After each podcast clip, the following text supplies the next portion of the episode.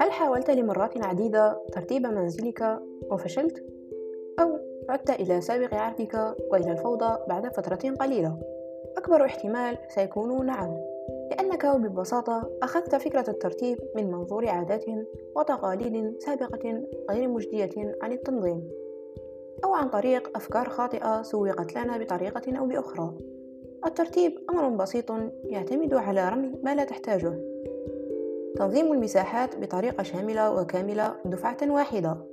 وهذا ملخص ما تسميه الكاتبة بطريقة كولماري في الترتيب التي قامت هي بإنشائها. كما أنها قامت بزيارات للآلاف من المساحات التي عجز أصحابها عن ترتيبها وحلت لهم الأمر. وقامت بالعديد من الدورات ومن العجيب أنه من يسجل في الدورة لا يعود مرة ثانية. ما يمكن أن يراه البعض؟ فشل. لكن الكاتبة تراه نجاح. فمن يعتمد هذه الطريقة في الترتيب لا تعود الفوضى في حياته. لأنه ليس فقط تغيير خارجي في الديكور أو الترتيب ولكنه أسلوب تفكير مختلف وقناعة راسخة. كما تقول الكاتبة أن هذا التغيير لا يشمل فقط البيت ولكنه يلمس ويدخل ويتشعب إلى كل جوانب الحياة وينقل كل ذلك إلى الأحسن فالأحسن. الفصل الأول من الكتاب يتكلم عن لماذا لا أستطيع إبقاء منزلي مرتبا. لا يمكنك الترتيب مطلقا إذا لم تتعلم الطريقة. أغلب الناس ترى أن الترتيب أمر بديهي. نتعلمه من تلقاء أنفسنا عن طريق الخبرة أو نولد به. أي أننا نقول أن هذا الإنسان مرتب دون أن نظن ولو للحظة أن هذا الإنسان تعلم طريقة تساعده في الترتيب. فنحن نتعلم أمورا كثيرة لكن الترتيب والتنظيم ليس واحدا من هذه الأمور على الأغلب. مع ذلك كثيرا ما يوبخنا أهلنا لأننا تركنا غرفتنا مليئة بالفوضى. وهل يتعلق الترتيب بالعمر والخبرة؟ كلا فالكثير من النساء الكبيرات في السن واللواتي يقومون بإدارة بيوتهن لسنوات طويلة. بيوتهم غير مرتبة ويجدون صعوبة في التنظيم. بسبب تراكم المقتنيات لعدة سنين وعدم الرغبة أو حتى التفكير في التخلص مما لا ينفع ولا يصلح. عكس الفتيات في العشرينيات اللواتي في الأغلب يكونن أكثر ترتيبا بسبب عدم تراكم الفوضى والمقتنيات بعد في بيوتهن. رتب دفعة واحدة وبطريقة صحيحة. كثيرا ما تشكي ربات البيوت من أن البيت يعود إلى حالته السابقة ويعج بالفوضى بعد مدة قصيرة من الترتيب. كما أن كثيرا من طرق الترتيب تصر على فكرة عدم ترتيب البيت دفعة واحدة. لأن ذلك لا ينفع. ويشعرنا بالإحباط. لكن الحقيقة غير ذلك. فإذا رتبت البيت مرة واحدة وتخلصت من كل الفوضى فلن تشعر بالإحباط لأن المشكلة ليست في ذلك ولكن المشكلة في طريقة الترتيب نفسها. رتب قليلا كل يوم فترتب إلى الأبد. هذه الفكرة صحيحة لكن المشكلة في الترتيب للأبد ليست مشكلة طريقة. فالطريقة نتاج للفكرة التي تصبح قناعة بعد التجربة. هنا تحكي الكاتبة قصة أنها في يوم رأت بالصدفة كتاب بعنوان فن التخلص من الأشياء لفت انتباهها هذا الموضوع المميز الذي لا يتكلم عنه الكثير. وبعد إنهائها للقراءة بدأت برمي الأشياء التي لا تحتاجها في غرفتها. تقول الكاتبة أنه بالرغم من أن غرفتها صغيرة إلا أنها ملأت ثمان أكياس تحوي التي لا تحتاجها من ملابس لم تلبسها حتى أو دفاتر من أيام الابتدائية إلى آخره. يظهر أن الكاتبة بعد نهايتها من هذه العملية شعرت بمشاعر طيبة لم تشعر بها من قبل لأن شكل الغرفة اختلف وخلف في نفسها فكرة أنه لماذا أحتفظ بكل هذه الأشياء التي لا أحتاجها ولا تضيف أي قيمة لحياتي. لذا تقول الكاتبة أن مرحلة الرمي من الأفضل أن تكون مدتها قصيرة لتتمكن من لمس التغيير.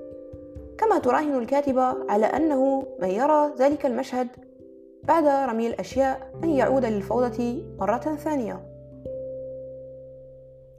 السعي إلى الكمال. تقول الكاتبة أنها لطالما ما سمعت بعبارات تخلص من شيء واحد كل يوم كما أنها جربتها لكن لم يكن الأمر مجدي. وشعرت الكاتبة بالإحباط بعد مدة لأنها لم تتمكن من ملاحظة النتائج كما أنها لاحظت أن نسبة رميها للأشياء لا تتوافق مع نسبة شرائها. فالأشياء التي تشتريها في اليوم من المؤكد أن تفوق الشيء الواحد. لذلك غيرت الفكرة وبدأت بالتخلص من الأشياء التي لا تحتاجها. ولم يأخذ منها الوقت أكثر من أسبوعين. لا تظن أنك غير قادر على التخلص من كل الفوضى خلال فترة قصيرة فالعملية بسيطة. تتطلب منك سؤال نفسك هل هذا الشيء ضروري وأحتاجه في حياتي أو لا؟ وأيضا تحتاج إلى تحديد المكان الذي سيذهب إليه الشيء. حاول أن تكون مثالي في هذه المرحلة وتخلص من كل الفوضى وكل ما لا تحتاجه في وقت قصير. وإلا ستبقى الفوضى في حياتك إلى الأبد.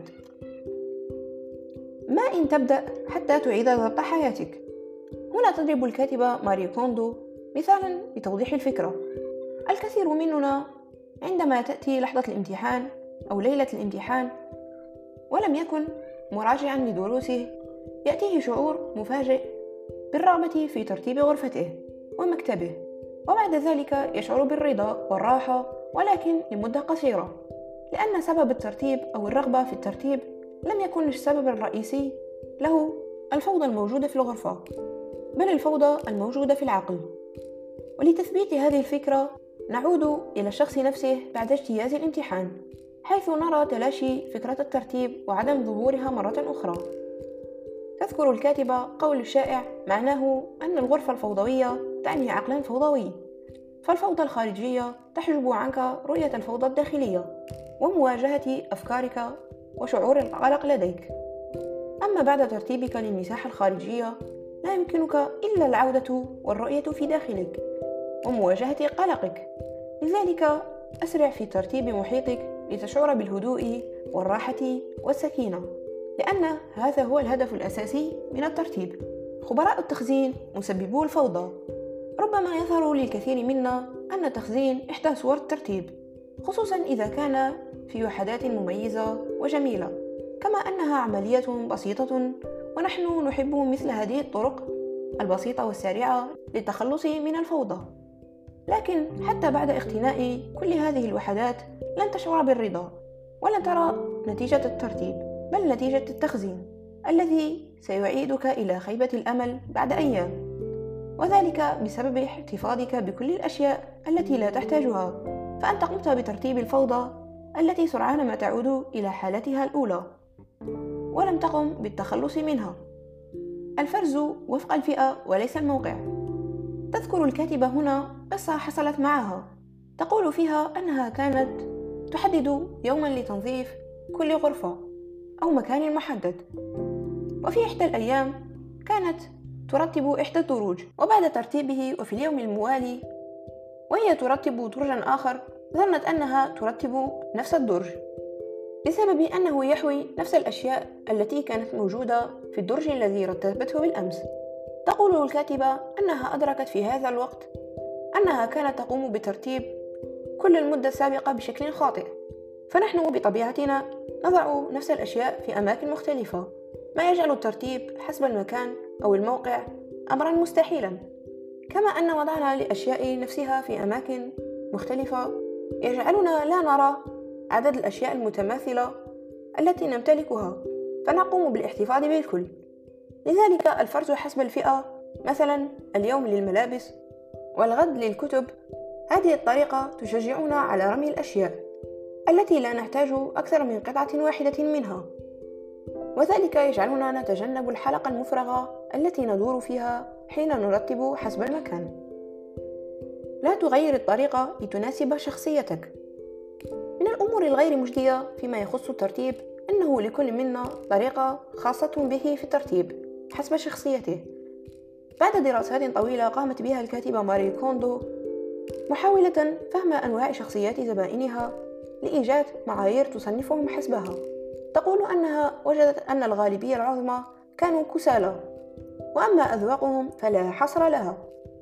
وبعد تفكير وبحث طويل استنتجت أنه هناك ثلاث أنواع من الشخصيات يحصر فيها كل الأشخاص وهي من لا يستطيع رمي الأشياء من لا يستطيع إعادة الأشياء إلى مكانها ومن يملك المشكلتين معا. والنسبة الأكبر والتي هي 90% كانت للصفتين الأولى والثالثة. لذا تعود الكاتبة لتؤكد بكل هذه الدراسات أن بداية الترتيب تكون من التخلص من الأشياء التي لا نحتاجها. وفي الخطوة الثانية ترتيب ما تبقى من أمور ضرورية ولها معنى في حياتك. ولا يمكن تسبيق الثانية على الأولى أبدا.